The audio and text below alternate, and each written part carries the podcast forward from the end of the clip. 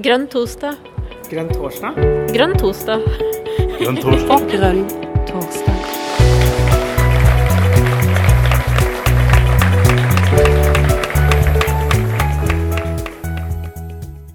Velkommen til Grønn torsdag. Herlig. ja. Og nå har vi faktisk Nå har vi, fått med til og med noen fra Kan vi si Hedmark? Ja, vi sier Hedmark. Det, er, det fins ikke lenger, men eh, Eller jo, det gjør det. Jeg er jo eh, toppkandidat i Hedmark også, ja, for MDG. Ja, flaks. ja. Velkommen til eh, Grønn torsdag. Velkommen til eh, Eh, nå står det helt stille. Til Frøydis Sund fra Likestillingssenteret. Til Ingrid Espelid Wold fra Molde, som har um, hatt noen opplevelser med en ordfører. Og velkommen til Karina og Jonas også. Jonas og eh, Karina pleier å være her hver eneste gang. Det er veldig hyggelig å være sammen med dere på Grønn torsdag. Takk eh, for det, Jon. Eh, Jeg må jo innrømme at det er en stor ære å få lov til å være med på dette sammen med deg, som jo styrer dette, er med på å styre dette fra tidligere Hedmark. Jeg vil la oss si det på den måten, da, Jon. Eh, Hedmark er historie, uansett hva folk måtte si. Det gjelder dessverre også Oppland. Vi er jo blitt Innlandet, som, eh, som dere vet. Eh, Men det vi skal snakke om i dag, det er jo hersketeknikker. Eh, har, hvordan, hvordan har det med, er det med deg, Jonas, og, og hersketeknikker? Jeg håper jo at eh, vi kanskje kan få en definisjon på hva en hersketeknikk er. Uh, det tror jeg egentlig hadde vært litt ålreit om vi kunne komme fram til i, i løpet av i dag. Um, og kanskje hvordan man oppdager de, da. For jeg tror nok at eh, man kan jo ha både brukt noen og eh, blitt utsatt for noen uten at man kanskje nødvendigvis har lagt merke til det, eh, og så eh, kjent på et eller annet i etterkant da, av et møte, eller ja, kan jo være en samtale for den saks skyld. Så eh, nei, jeg er spent. Det er jeg også. Ja, og jeg som gammel mann her, da, vi ser det er noen andre gamle menn her også, vi blir jo beskyldt for å drive på med det, men jeg, hvis, hvis jeg driver med hersketeknikker, så er det ubevisst. Jeg skjønner det ikke. Og det er jo også, også eh, en ting som Det er ting vi må være bevisst på for å løfte fram andre, sånn, i forhold til hvordan man sjøl opptrer og sånn. da. Det er, noen, det er masse elementer her, så eh, jeg håper da at de to spesielt inviterte, og dere, en hel haug med andre her, eh, kanskje kommer med innspill underveis, og at vi alle sammen da blir litt klokere. Er vi klare for å kjøre i gang nå, Karina? Vi Ja, ja, vi er det. Vi er det. Men, men jeg tenkte altså eh, Det er jo en spesiell grunn til at, at hersketeknikk dukket opp som tema. Kan du si noe om det, Jon? Nei, det er hun Ingvild, da. Det er hun, Ingvild. Ja. Ja, nei, det var eh, Det var jo en tråd på, på jo, altså Det har jo vært tema tidligere og sånn også i andre greier, men greia var da at eh, Ingvild eh, var i en sak i kommunestyret, og så var det en ordfører som Nå husker jeg ikke nøyaktig hva han sa for noe, men det var noe med noe Var det følelser han trakk fram, eller Jeg er veldig var glad for at jeg er litt usikker, for vi har jo Ingvild her, så kanskje Ingvild Ja. vil si Ja, jeg så på henne, jeg prøvde å se Ja. på henne. Vær så god, Ingvild. Det blir, så tydelig i sånne møter som det her, hvem man ser på. Uh, nei, jeg kan jo fortelle litt. Uh, vi hadde, jeg sitter i kommunestyret i, i Molde kommune. Vi er et stort kommunestyre, 59 representanter. Eh, og det her var første gang vi møttes fysisk på uh, noen måneder. Uh, så egentlig var det ganske ålreit. Relativt god stemning, men alle visste at det skulle opp en veldig tøff sak. Det som har vært den mest betente saken lokalt. Egentlig hele den perioden her, som dreier seg om giftdeponi. Skal det plasseres et stort deponi for farlig avfall og potensielt, også et nasjonalt, nytt, nytt, nasjonalt deponi i det som nå er Molde kommune, en, i en av nabo, det som var nabokommunene, som nå er en del av, Molde kommune. Uh, og det her er det masse, masse, masse følelser rundt. og eh, veldig mange som framstiller det særdeles svart-hvitt, og så er det vel kanskje, vil jeg hevde iallfall, en veldig komplisert sak. Um, så det var nå mange som var framme og, og snakka om den. Uh, og jeg var framme og la fram MDG sitt syn på, på vegne av vår gruppe. Vi er, vi er heldige og har ei stor gruppe her, vi er fem stykker. Men det var jeg som la fram vår vår ja, saken fra vår side. Um, uh, og det var uh,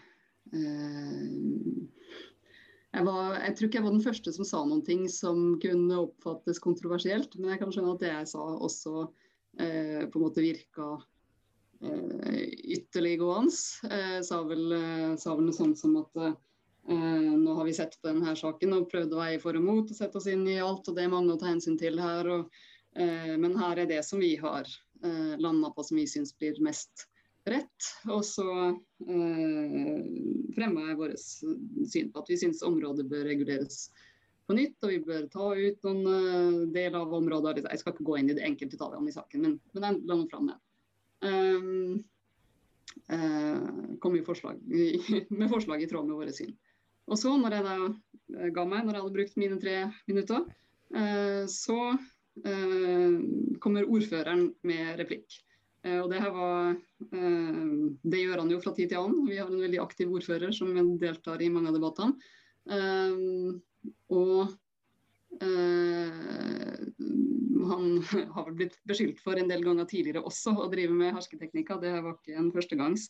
men det, det, er vel første gang kanskje at har blitt at det har vært så heftige reaksjoner på det. For det han da sa eh, når han kom til orde, var eh, Og da, da begynte han eh, da Jeg sto rett ved siden av talerstolen, og så er det vel en sånn jeg vet ikke, 20 cm opp dit. Og han er, er ikke sånn innmari høy, jeg er ganske vanlig høyde på. Han er en høy mann.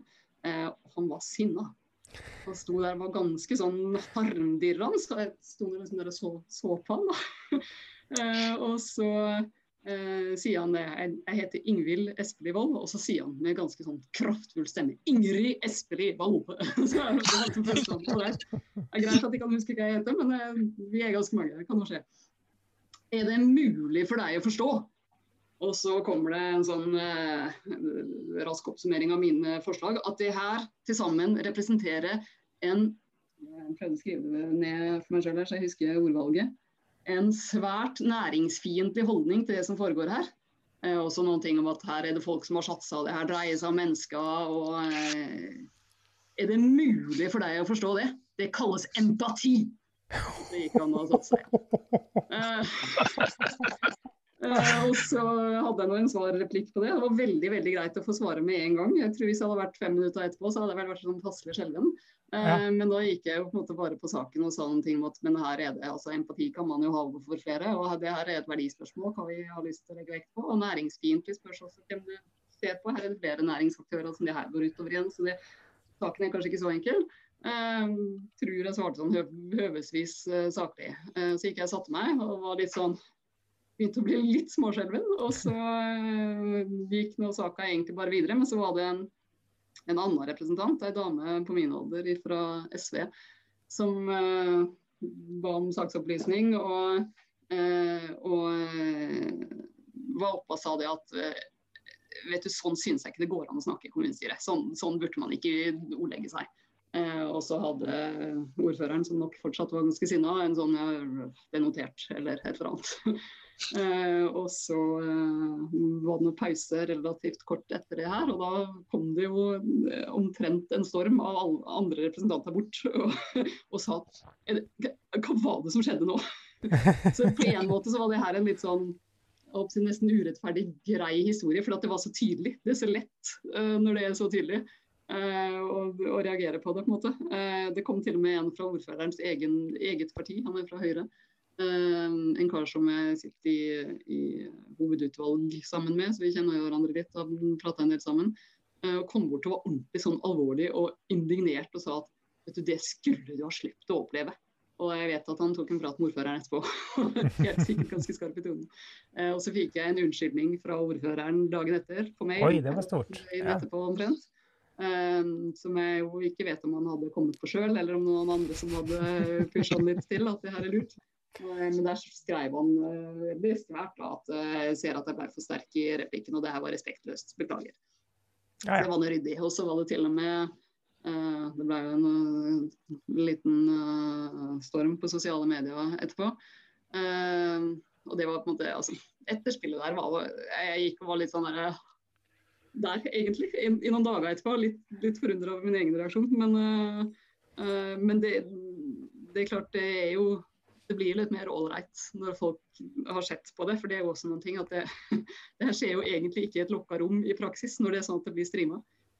Karina sa her rett før vi gikk på lufta at nå må dere huske at det her blir lagt ut, så ikke si noen ting som ikke egner seg i offentligheten. Og det, det, er jo litt det samme her, da. Ordføreren har, har, vel sagt en del litt lignende ting før, men da har det aldri blitt streama. Og så er vi litt sånn i koronatida i den herre ting blir faktisk lagt ut. Det her, det her var det veldig, veldig, veldig mange som så i etterkant. Ja, for dette ligger ute ennå, dette her. Det er mulig å se dette her? Det ligger ute på kommune-TV. Mye juice på kommune-TV der, altså. Ja.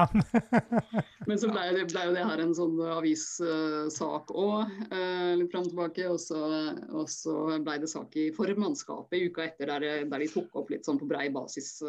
Møtekulturen i kommunestyret, for han er jo ikke akkurat den eneste som har gjort, kommet med litt sånn overtramp her. Uh, samtidig som jeg var litt sånn småfrustrert på han for akkurat det. For det er veldig mye lettere å måte, gjemme litt bort det man har gjort sjøl, hvis man kan peke samtidig på alle de andre som uh, kanskje har gått over streken. Uh, men jeg tror jeg sa til avisa noe sånt som at nei, men det, dette går fint, han har skjedd en unnskyldning og vi er gode venner neste gang vi, møte, gang vi møtes. i. Og så har vi jo faktisk ikke møttes etterpå, for alt har jo vært digitalt. ja. ja. Men nå fikk vi jo faktisk historien på forhånd. Så, men nå har jo da Frøydis eh, sette dette litt inn i en litt sammenheng. Litt, eh, litt Jeg er litt usikker på hvordan du har lagt opp, eh, Frøydis. Men eh, du er jo litt mer oppdatert på teori knytta til dette her. og så tipper jeg jo da med at du har en politikerbakgrunn, kanskje også har eh, noen personlige erfaringer som kanskje kan dukke opp underveis her. Så, så eh, kan vi kjøre i gang med Frøydis da, Karina? Ja, jeg, jeg, tror det hvis Frøydis er klar. Jeg skjønte at hun eh, også skulle bruke, vise en presentasjon, så hvis hun prøver å få presentasjonen sin, så, så er det lov. Det gjør hun der, ja. Nydelig. Da overlater vi ordet til deg, eh, Frøydis. Jo, takk. Um, mitt navn er Frøydis Sund, og jeg er seniorrådgiver ved Likestillingssenteret. Vi holder til på Hamar, uh, og her har jeg jobba siden 2008. Jeg har en master i ledelse, men jeg har også vært politiker i mitt uh, holdt på å si, forrige liv. Det er ti år siden jeg satt i kommunestyret.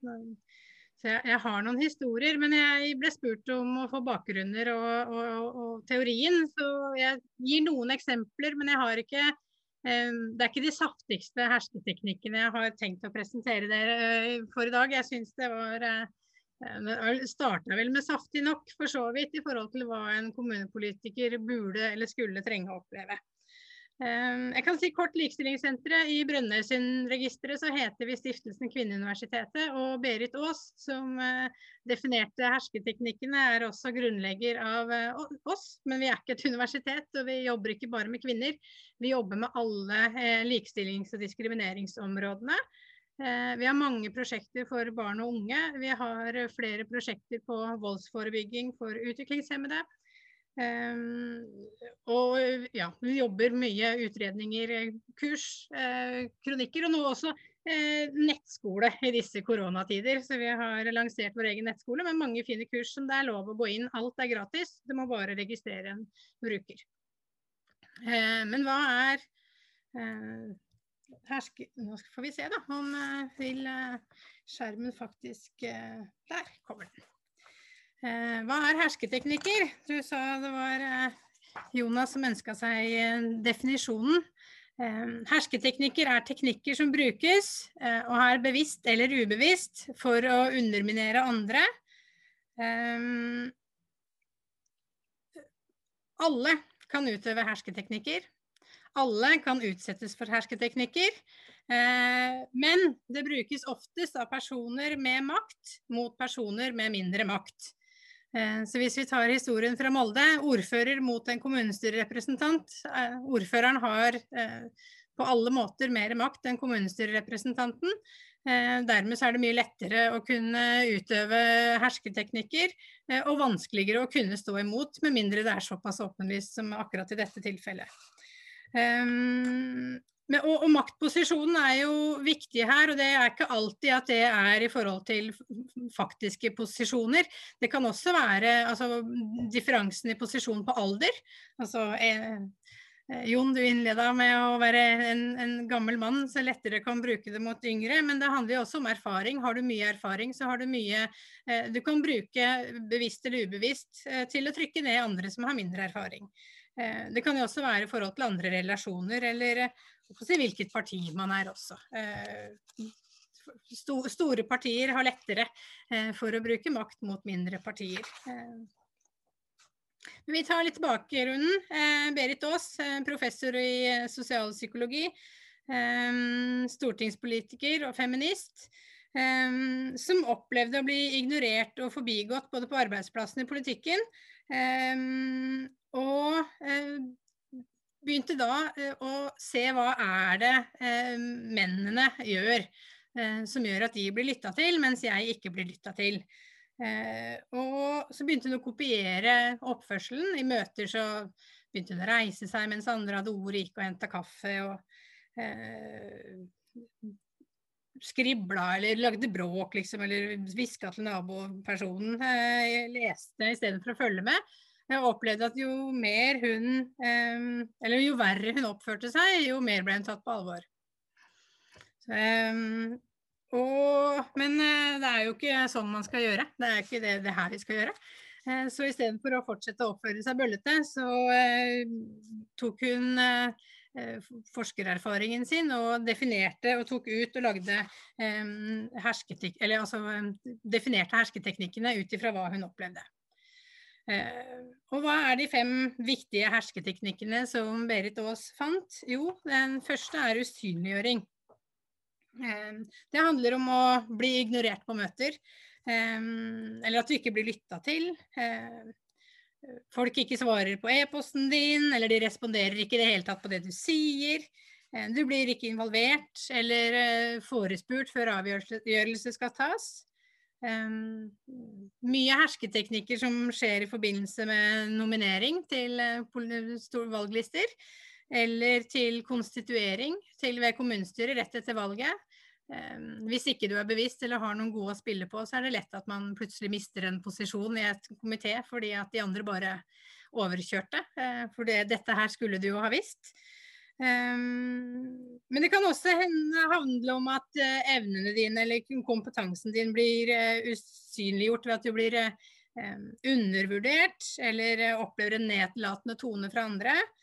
Um, og det kan også være en form for um, usynliggjøring ved at det du sier ikke blir uh, lagt merke til, men når um, uh, kanskje en fra et annet parti eller en partikollega som er eldre enn deg, eller kanskje det er en mann, uh, sier akkurat det samme, så blir det replisert med ja, det var et veldig godt forslag det, det, representanten Jørgensen sa der, men det at Sund sa det rett før, det, det, det husker vi ikke, for det ble sagt av en kvinne.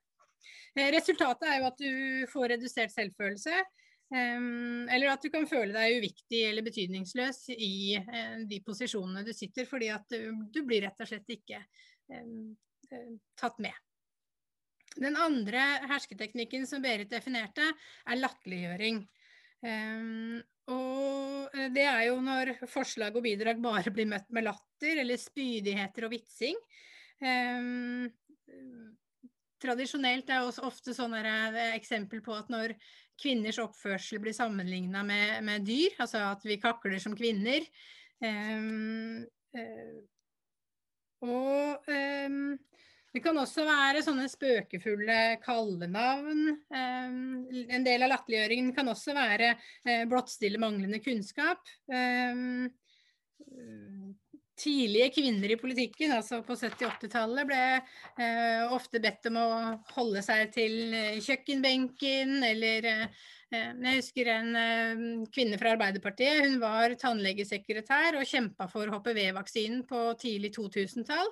Men da ble hun fortalt at eh, du er bare tannlegesekretær og ikke lege, så hvorfor i all verden skal du snakke om den vaksinen og hvorfor vi skal ha vaksine? Altså underminere. Gjør at personen ikke blir tatt, har mulighet til å bli tatt seriøst. Og utrolig vanskelig å ta igjen. Og sånn sett så var jo kanskje det Ingvild ble utsatt for, en form for latterliggjøring. Fordi at det ble hevda at du Hva var det du sa? Ikke har evne og mulighet til å forstå, uh, og at du er svært næringsfiendtlig. Det er jo virkelig en latterliggjøring i forhold til å uh, ikke skjønne hvilke argumenter du har brakt på banen.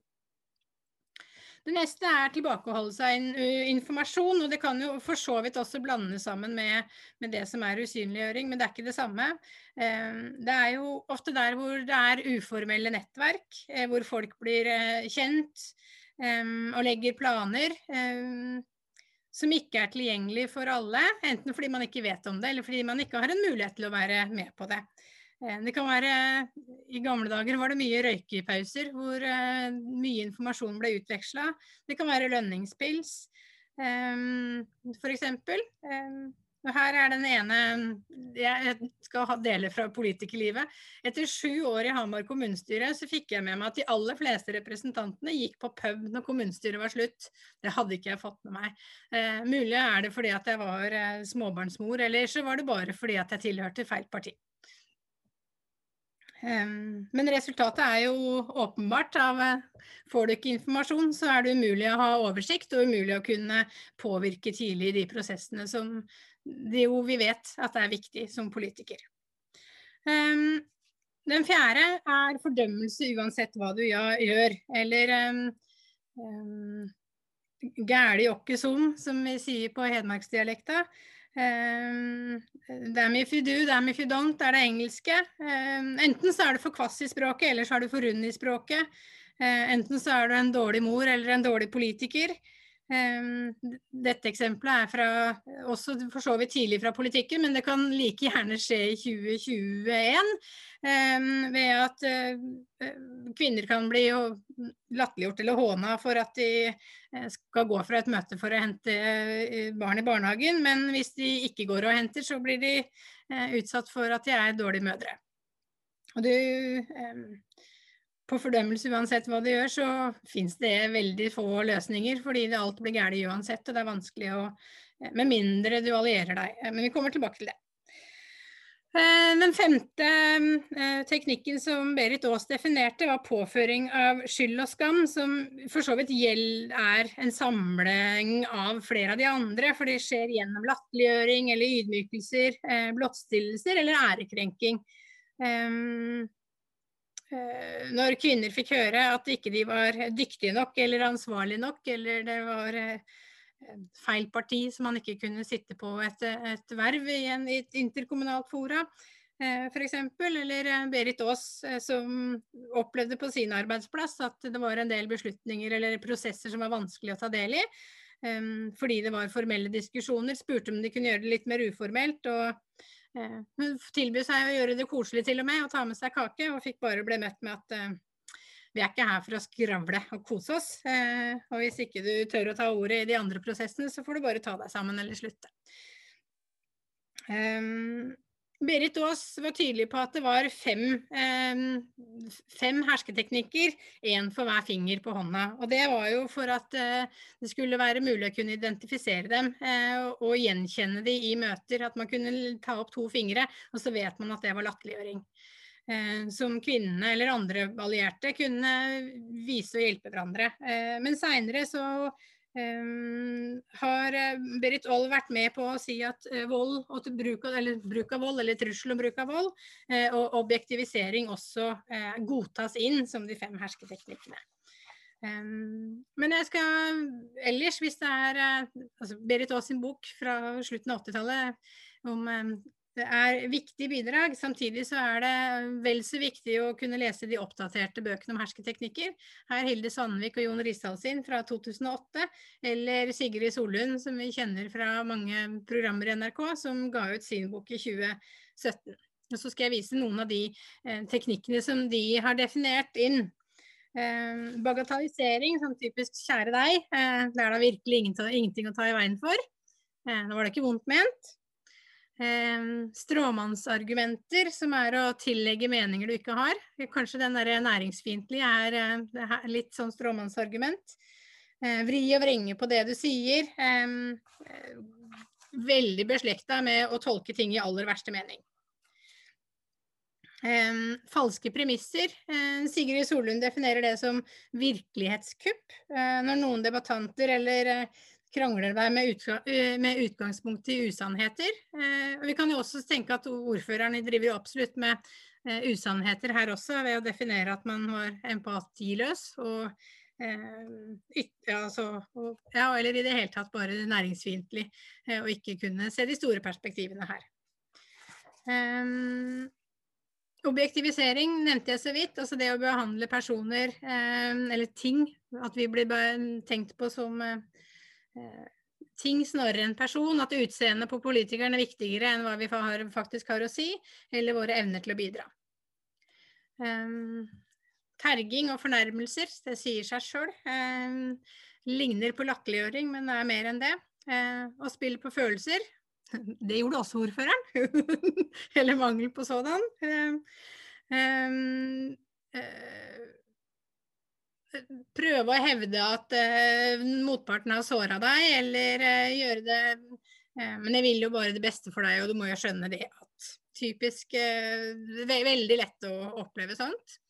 Um, bruk av stillhet. Um,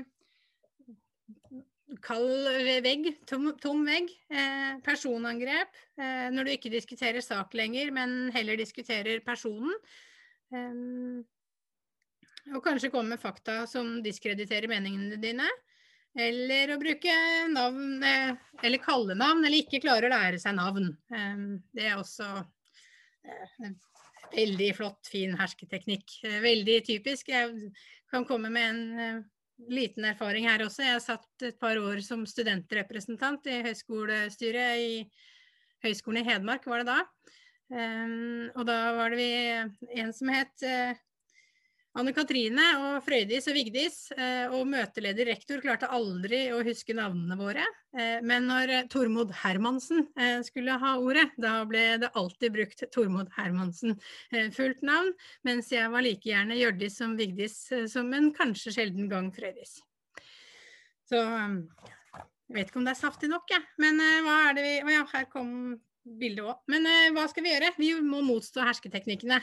Ehm, for å innse at eh, det ikke er vi som er kjedelige eller dumme eller latterlige, eh, sjøl om noen kan prøve å få oss til å føle oss sånn. Ehm, for å forstå at eh, hersketeknikker både kan og bør motarbeides. Og for å skape en bevisstgjøring der hersketeknikker finner sted, altså for, for å få stopp på dem. Ehm, sånn at ubevisste ikke skal få lov til å fortsette. Og hva gjør vi da? Hvor lett er det å stå imot hersketeknikkene? Det aller viktigste er å, å um, identifisere uh, og bli bevisst. Hva var det som skjedde nå? Uh, hva kan jeg gjøre? Um, for min del så tenker jeg også det å, å, det å gjenkjenne, identifisere dem, og deretter eh, vinn tid ved å be noen om å gjenta hva var det du egentlig sa nå. Det kan ikke gjøres fra ordførerstolen eller møteplassen i kommunestyret, men i ordinære møter så er det lett å kunne si sånt. Hva var det du faktisk sa nå? Eh, stort sett så blir man sjøl da bevisst på at her har jeg gått over streken og kan beklage eh, hvis det er jeg som har gjort noe galt, men eh, det er i hvert fall en fin måte, en god teknikk. Ellers er det å slå tilbake med kunnskap, eh, argumentere på sak, eh, ikke gå i fella og argumentere på person. Eh, noen ganger så vil jeg ofte kunne anbefale at det å bare overhøre hersketeknikker, hvis det er små, og fortsette argumentasjonen kan være viktig. Fordi det som er, er at ofte det å si at du blir utsatt for hersketeknikker, er kan være en hersketeknikk i seg sjøl, for så vidt. Eh, men du vinner sjelden eh, diskusjonen ved å hevde det, eh, hvis ikke det er noen andre som er med og kan ha sett det samme. Støttespillere og allierte er helt vesentlige for å få bukt på hersketeknikker. Er du en person som har mye sjølironi og klarer å møte eh, hersketeknikker med humor, så vil jeg absolutt anbefale det. Eh, det her er mine.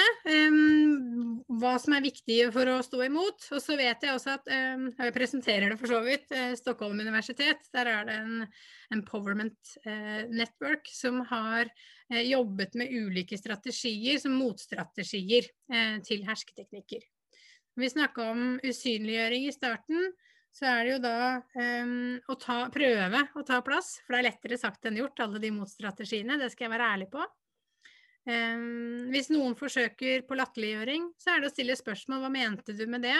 Uh, på, på, hvilken måte kan du hevde det? Uh, hvordan er det? Um, hvis du opplever i kommunestyret at uh, informasjon ikke blir gitt, eller du opplever at her er det noe som går over huet Jeg møtte Så er det om å gjøre å kreve informasjon. Jeg har møtt to ganger som vara i kommunestyret i Hamar. og Eh, alle tilleggsforslag ble bare sendt til kommunestyrets ordinære medlemmer. Ergo som eh, vara, møtende varamedlem, så er du prisgitt å få videresendt fra noen andre. Og det er en ganske krevende og omfattende jobb. Og nå får jeg heller e-postboksen full hver gang det er et møte. Men det får så være. Den dobbel fordømmelse er jo å snu perspektivet, og det samme er på skyld og skam. Altså når du blir beskyldt for å eh, være en dårlig mor og dårlig politiker, så får du jo bare spørre eh, ja, hvordan er du? Ja. de har også laget noen antihersketeknikker, og det handler jo litt om det samme. For motsetning til usynliggjøring, så bør vi synliggjøre folk. Eh, Istedenfor å latterliggjøre, så skal vi respektere våre politikerkolleger. Istedenfor å tilbakeholde informasjon, så er det om å gjøre informere og informere flere. Dobbel straff, der møter de med dobbel belønning. Uh, og istedenfor å påføre skyld og skam, så handler det om å, om å kunne bekrefte. Vi kaller det bekreftelsesstrategier og uh, motstrategier. Eh, jeg går straks inn for landing. Jeg tenker bare at det som eh, skjedde i Molde eh, er viktig å diskutere møtekultur også, eller kanskje særlig når det er noen som aktivt bruker hersketeknikker, sjøl om det ikke skal være en mulighet for å rettferdiggjøre. Men det handler om at Ordførere og gruppeledere i et kommunestyre har mye makt, men vi har alle mulighet til å sette møtekultur på dagsorden. Um, diskutere uh, hva er inkluderende og hva er ekskluderende praksiser i dette kommunestyret. Uh, hvordan vil vi faktisk at vi skal ha det her i dette kollegiet, for vi er et kollegium til beste for kommunen. Um, skal, og så kan vi også reflektere over om det er forskjell på oppførsel uh, og bruk av hersketeknikker i de faktiske møtene. Um, eller er det bedre eller verre i pausene eller mellom møtene? Um, I forhold til møter så kan man si er det, er det riktig at det skal være fri taletid, eller bør det være tre minutter, eller skal det være begrensa taletid til partiene i forhold til størrelse? Det er mye forskjellige ting som man kan se, uh, men det er noe med å løfte det opp. Uh, og jeg mener at det er et ordførers ansvar som møteleder å sørge for at det er en god møtekultur i et kommunestyre, men vi alle har noe å bidra med. Um, og husk, det viktigste bøtemiddelet mot hersketeknikker, det er å identifisere dem. Eh, og eh, kunne løfte blikket, få støtte fra andre hvis du trenger det, eller se at du blir eh, utsatt for urimelig oppførsel. Og huske at det, det er ikke deg eh, som har gjort noe galt. Det, det, det, er ikke deg det handler om egentlig.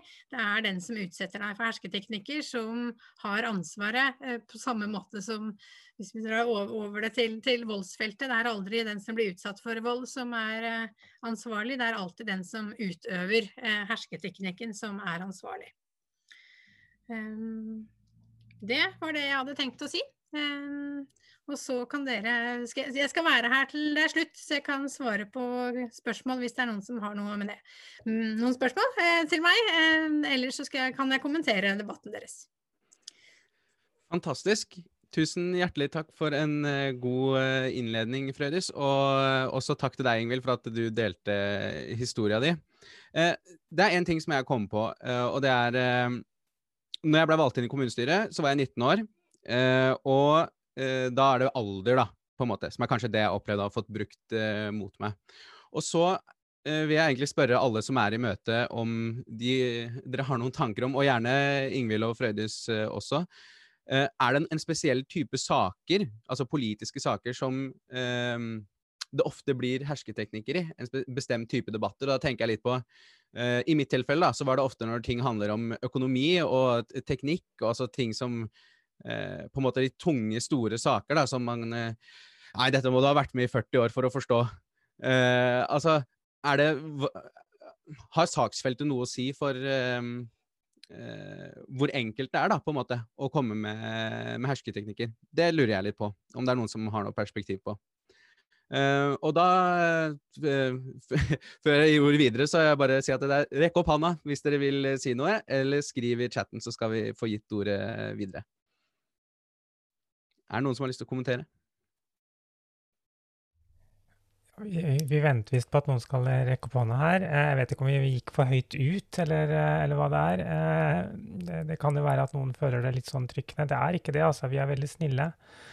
Um, og det vil du jo skjønne hvis du har vært med en stund, uh, at, at, vi er veldig snille. Jeg prøver så godt jeg kan å leke litt med disse her hersketeknikkene, så jeg får det inn. Jeg, jeg må jo si, uh, Frøydis, at det var en fantastisk fin, uh, fin gjennomgang. Og, og, og, det ble så veldig tydelig for meg hva hersketeknikker er. Og jeg ser jo dessverre at jeg også er i stand til å bedrive hersketeknikker, selv om jeg prøver å være litt snill i kantene her. Men jeg har kommet i skade eh, for å, for å gjøre for å bruke det i noen settinger, og spesielt eh, mot unge jyplinger, eh, så har jeg hatt en tendens til å gjøre det, og det må jeg bare slutte med. Det, jeg, jeg, skjønner jo det. det. Jeg har blitt flinkere etter hvert som jeg har blitt eldre, altså. Så for, for, for, eksempel i noen saker så tenker jeg at her trenger man å ha litt mer, litt mer ballast, litt mer sånn livsvisdom for å kunne ha noe ordentlig mening. Men det er jo ikke sånn det er i, i kommunestyret. Der forfekter man jo tross alt meninger som er debattert og, og, og Altså, man representerer noe. Det er jo ikke det at det er vedkommendes personlige mening. Um, der har det kommet en hånd opp. Vil du si noe, Jon? Ja, jeg kan. Når, for jeg, når Jonas stilte spørsmålet til knytta til te, om det var noe mer uh, i enkelte saker, så jeg kjenner meg ikke igjen umiddelbart der. Men uh, når jeg tenkte meg litt om, så jeg har jo nå sittet i kommunestyret i Løten i snart seks år, og det er vel noen saker litt lett lettere tenker at eh, eh, hva skal man si ja, at, jeg, at, jeg, kanskje nok burde ta meg i, i, det, eh, for å heller si det sånn. da, At det, eh, det, det er nok no, noen saker eh, som det, Kanskje det var litt tyngre. at mye, mye rare folk i budsjettbehandlingen f.eks. For kan man mene noe om eiendomsskatt hvis man aldri har betalt eiendomsskatt? Nei, det syns jeg ikke. Ærlig talt. Nei, det, det, det, er et, et, et, veldig konkret eksempel, da, på en måte. Det er ofte de der type diskus diskusjoner, ikke sant. Kan man, mene, kan man, mene, noe om boligutbygging når man aldri har eid et hus, på en måte? Altså. Ja. ja, absolutt. Ingvild, du har rukket opp hånden. Du får ordet. Vær så god. Takk. Ja, nei, det var egentlig på et litt annet, uh, annet tema. Det var noen ting som jeg kom på som jeg tenkte at dette må jeg spørre om. Uh, mens jeg har noen som sitter her og jeg har tenkt noen lure tanker før på hvordan, hvordan møter man hersketeknikker, og, og, hva gjør man når det kommer opp. For Jeg har sittet som lokallagsleder noen ganger og vært litt sånn i stuss på Oi, hmm, hvordan, hvordan, takler vi det som skjedde nå? Um, da har jeg på en måte verken altså ikke stått på noen av sidene sjøl, men på en måte jeg har vært møteleder, da. Eller eh, ja, observert det som skjer. Og så vet jeg ikke om jeg alltid har vært så flink til å ta tak i det. Eh, men eh, sånn som vi hadde en seanse her f.eks. der vi diskuterte en del ulike forslag, og så kommer det eh, et partimedlem som har et forslag som var, det, Hun hadde tenkt gjennom det og og begrunna det, og det var, det var, mye bra med det. Og så kommer det et annet eh, partimedlem og eh, som, som, har erfaring, har jobba med det her i et par tiår, og eh, forklarer hvorfor han ikke syns det her var noe lurt, fordi at sånn og sånn og sånn. Uh, og så er det da en tredje person i møtet som uh, sier noe sånt som at uh, oh, det er litt godt at vi har noen her med erfaring. Og så snakka jeg jo med han etterpå, fordi at hun reagerte på det, hun, hun som hadde kommet med forslaget. hun sa direkte at det her syns jeg var en hersketeknikk. Dette var ikke noe ålreit og lurte på om vi kunne ta det opp igjen nå i det hele tatt. Uh, så for det første så var det litt sånn formelt Nå har vi hatt et møte så har vi vedtatt ting, så det er litt vanskelig å måtte gjøre om på den prosessen etterpå. så Det fikk jeg liksom ikke helt gjort. Men så uh, tenkte jeg må i hvert fall snakke med folk her. Uh, og jeg tror de skal være greit opp, jeg hadde inntrykk av det. Men, men, men der var det en sånn variant av sånn som jeg tolka det, at han som sa det, hadde tenkt at ja, det her var et fornuftig forslag, men så kommer det noen som kan mer om det og sier noen ting. Og så tenk, sier han ut ifra sin egen erfaring eller opplevelse at uh, nå var det godt det kom noen som, som kunne det her, som kunne, uh, som kunne gjøre meg smartere. Uh, og så opplever hun som har kommet med forslaget at det her er retta mot henne. Hold kjeft, du, du har ikke peiling. Uh, da synes jeg det, det, er liksom vanskelig. For det første så er det vanskelig å vite hva skal man kalle en hersketeknikk. Hva er, er det her en hersketeknikk? Og er det, hvordan, hvordan, takler man det når noen kommer og sier at nå har jeg opplevd det her var en hersketeknikk, det her skulle ikke vært gjort. Ja. Jeg, jeg blir så usikker på hvordan, hvordan er det lurt å rydde opp i sånt, da. Mm. Når det først har skjedd. Mm.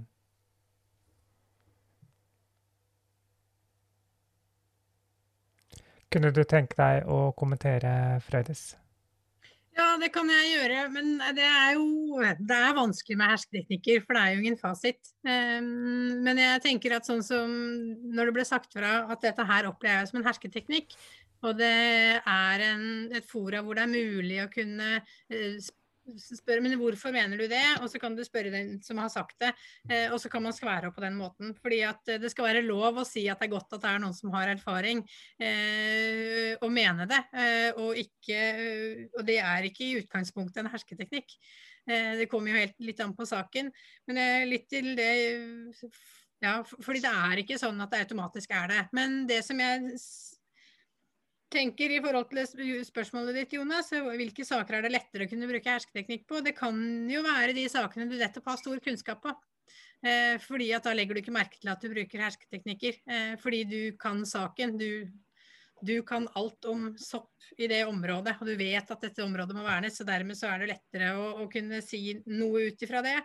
Um, andre posisjoner hvor jeg ser at det blir veldig lett å bruke hersketeknikker, er nominasjon og, konstituering, hvor det er personkamp, hvor det er lett, veldig lett å eh, Altså De spisse albuene du trenger for å komme opp, da er det lett at du dytter noen ganske kraftig til side, og det er en form for hersketeknikk. Men sjøl om det blir gjort i det beste mening eh, mange ganger. Ja.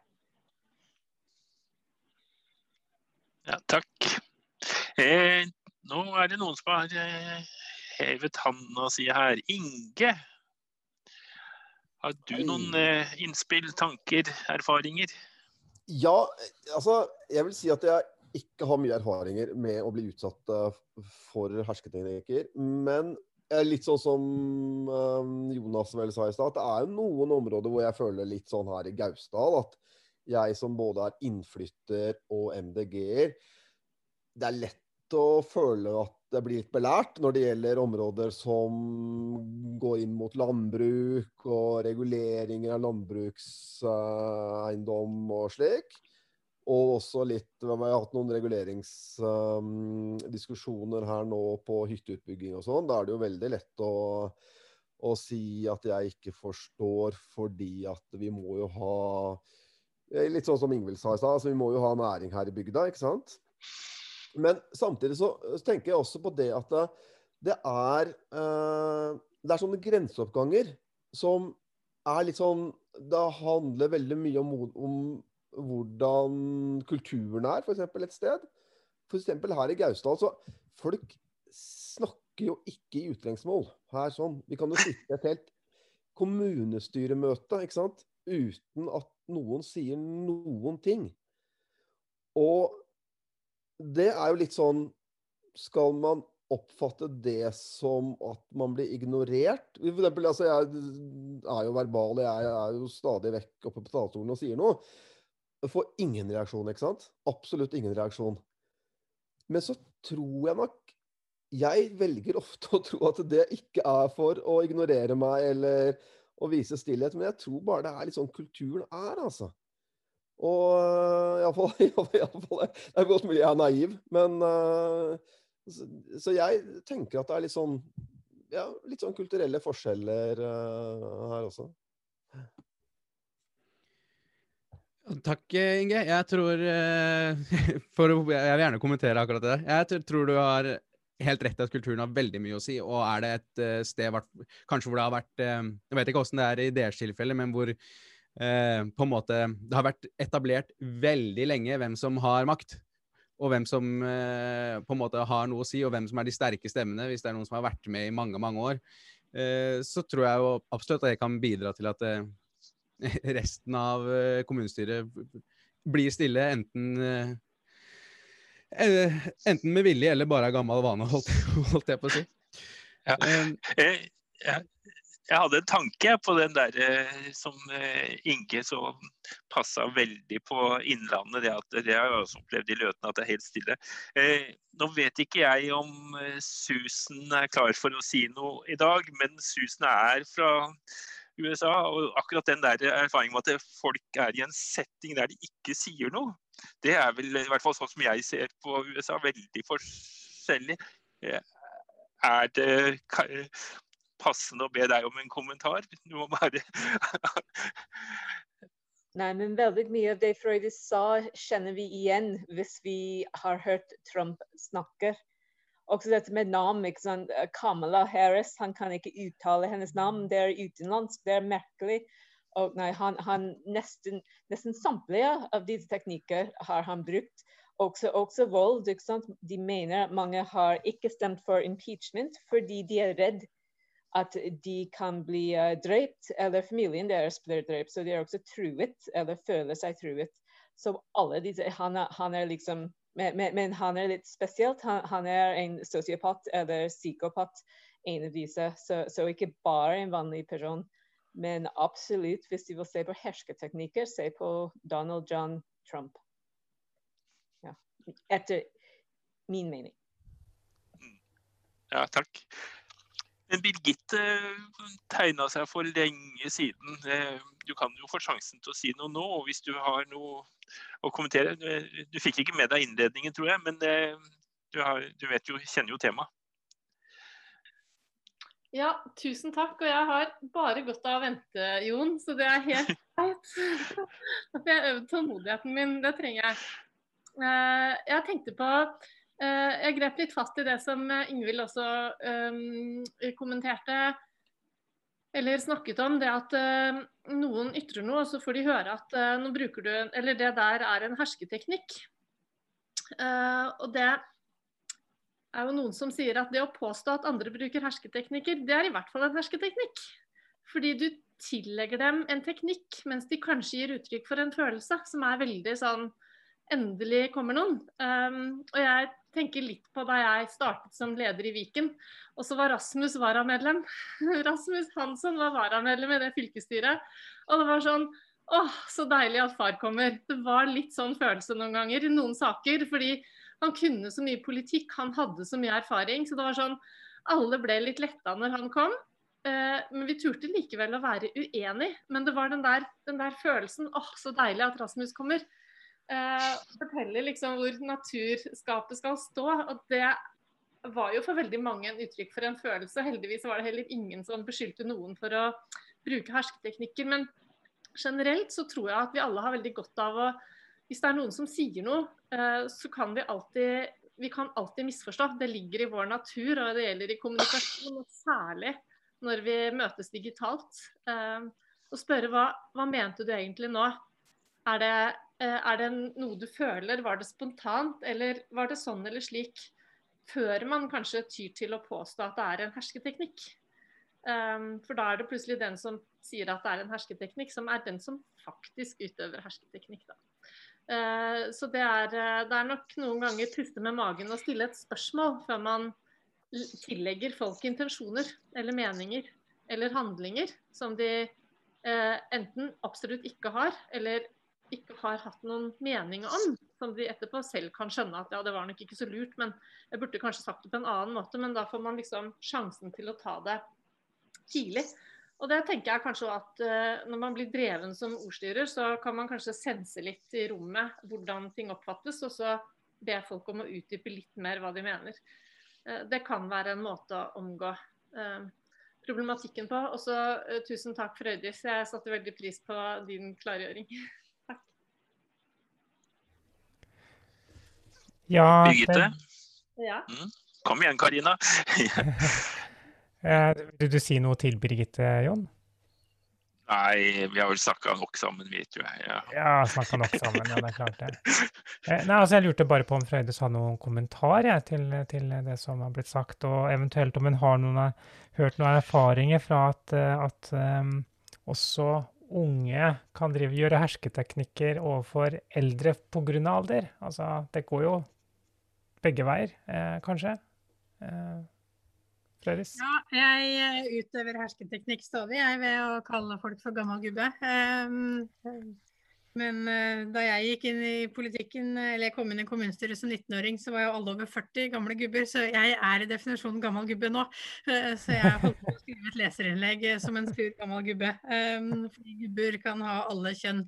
Ehm, Men eh, stort sett er jeg blid, men likevel så Nei, alle, det er veldig lett å bruke eh, absolutt hersketeknikk mot eldre, som å si at du altså, skal det anlegges skatepark, så er det lettere at ungdommen eh, har definisjonsmakta på hva som er bra og hva som er dårlig, eh, kontra eh, de som har passert pensjonsalder, f.eks. Eh, og så er det interessant at eh, Trump ble nevnt, fordi eh, denne her presentasjonen er en kortversjon av egentlig en workshop hvor vi kunne hatt masse gruppeoppgaver og eh, sett på videoer og identifisert hersketeknikker. og jeg tror det var fem eh, videoer om Trump, eller med Trump, da, eh, og utøvelse av hersketeknikker på hvordan han baner seg fram på pressekonferanser, eh, tar noen i hånda eller ikke vil ta noen i hånda f.eks., som jo også er en, en form for hersketeknikk. Eh, og det å beskylde andre for å bruke hersketeknikker, ja det er en kjempestor eh, hersketeknikk, eh, og det kan bli brukt. Eh, hvis du opplever at eh, folk er mot deg, så er det sånn, jeg blir utsatt for hersketeknikk. Så, så eh, mitt råd er å, å være forsiktig med å bruke det eh, fullt og helt offentlig, men alliere deg med noen andre før du går til motangrep, hvis du ser at det er det som må gjøres. Um, det er lov å si etter møtet, men hva var det som egentlig skjedde her? Eh, hvordan opplevde du denne situasjonen? Eh, jeg kjente at jeg fikk en veldig ekkel følelse. Det ble noe, rart. Eh, hva, skjedde egentlig? Eh, for det er det som ofte er med hersketeknikker, at du, det er ikke alltid du klarer å ta de akkurat når det skjer, men du får en sånn uggen følelse i etterkant, og da er det viktig å, å alliere deg og stille spørsmål med noen andre, og så kan man ta det opp i etterkant og få skværa opp. Jeg lurer på, litt i forbindelse med det siste du sier der, er det um, på en måte Ok, hvis noen opplever at uh, de har blitt utsatt for en hersketeknikk, uh, er det vanskelig kan, er det vanskelig å finne den uh, Altså, Hvis noen kommer til meg da og sier at dette følte jeg var en hersketeknikk, så øh, føler jeg da et ansvar for å anerkjenne det, selvfølgelig. At noen har øh, sitter med den følelsen. Men det trenger jo eh, det trenger ikke nødvendigvis være så, så enkelt. Og eh, hvordan kan man på en måte både anerkjenne eh, at noen opplever det sånn, men samtidig også eh, være villig til å på en måte forstå hva det, At motparten kanskje ikke hadde eh, dårlige intensjoner. da. Det syns jeg kan være, eh, høres ut som en litt vanskelig øvelse til tider. Og jo mer polarisert ting blir, jo vanskeligere blir det kanskje også. og det jeg tenker jo også på en måte på, på kjønn kan jo også disse tinga her eh, være, være Altså det er noen diskusjoner som begynner kanskje å bli litt vanskelig å ta. Det har jo gått kanskje mer ekstremt i USA, men um, er det noen antydninger til det i Norge òg, på en måte? Altså er eh, rommet for dialog er det, er det mindre også på det området her? Det var kanskje en litt rotete setning, det der, men uh, kanskje noen skjønner hva jeg tenker litt på?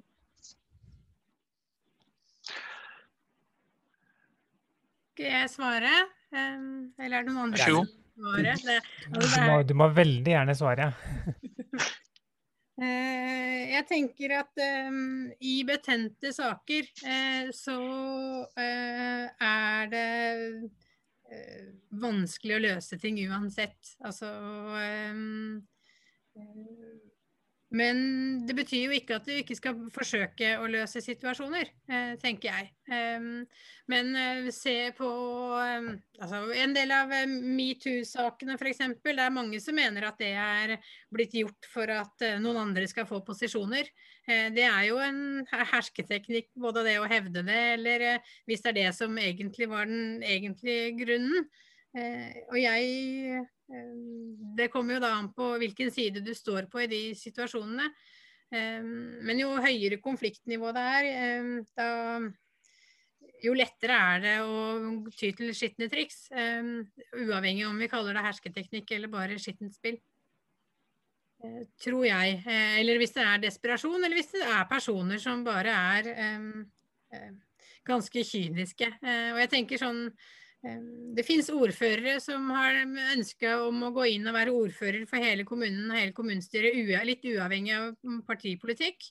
eh, For å være en god møteleder og for å være god, eh, gi lage et godt debattklima, debattrom. Eh, Den ordføreren vil eh, sjelden ta replikker og vil sjelden eh, ta hovedsaksinnlegget for partiet, men overlater det til andre og være møteleder. Og så har du andre eh, ordførere som eh, jeg har kjent godt på, som eh, nesten alltid tar replikker eller slenger med leppa når eh, politikere går ned fra talerstolen. Um, og du skal være ganske tøff for da å stoppe midt i midtgangen og bare gå tilbake og si sånn her tolererer jeg ikke, uh, og sånn aksepterer jeg ikke. Um, og så er det jo også flere som det, er det jeg tenker på sånn konstituering, nominering, når det er en ting som spisser seg til. Hvem, hvilke partier skal få formannskapsplass? Hvilke allianser kan man inngå for å få ting? Eh, det å spre løgn eh, er jo også en sånn eh, hersketeknikk. Jeg eh, eh, kan bare ta det, for det, men det er ikke en sånn løsningssak, det er bare en sånn orienteringssak. Eh, Jeg prøvde å få formannskapsplass. Vi var for mange kvinner som ville inn i formannskapet.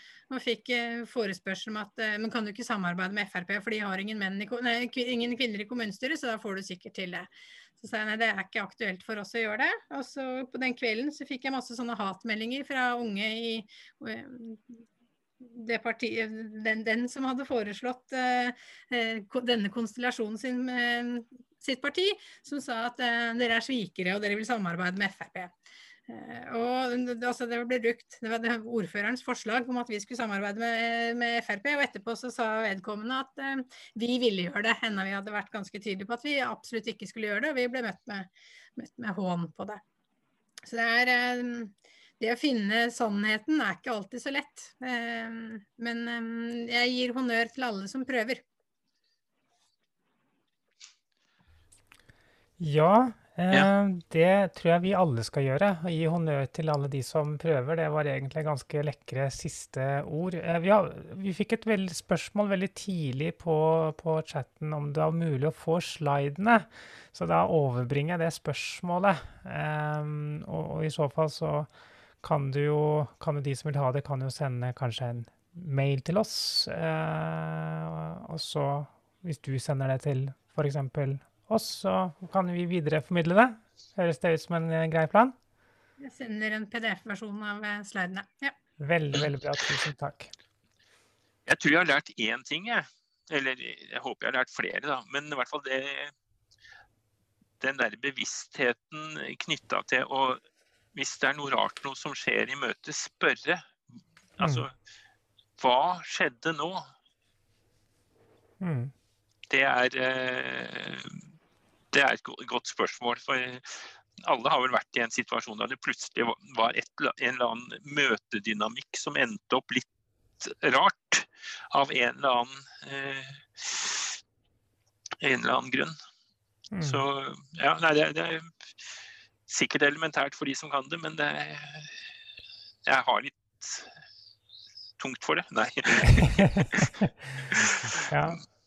Hva skjedde nå, ja? Det er, eh, jeg er enig i det. Er, det er også en fin oppsummering. Hva skjedde nå? Hva skjedde denne timen mellom klokken åtte og ni i Grønn torsdag? den 14.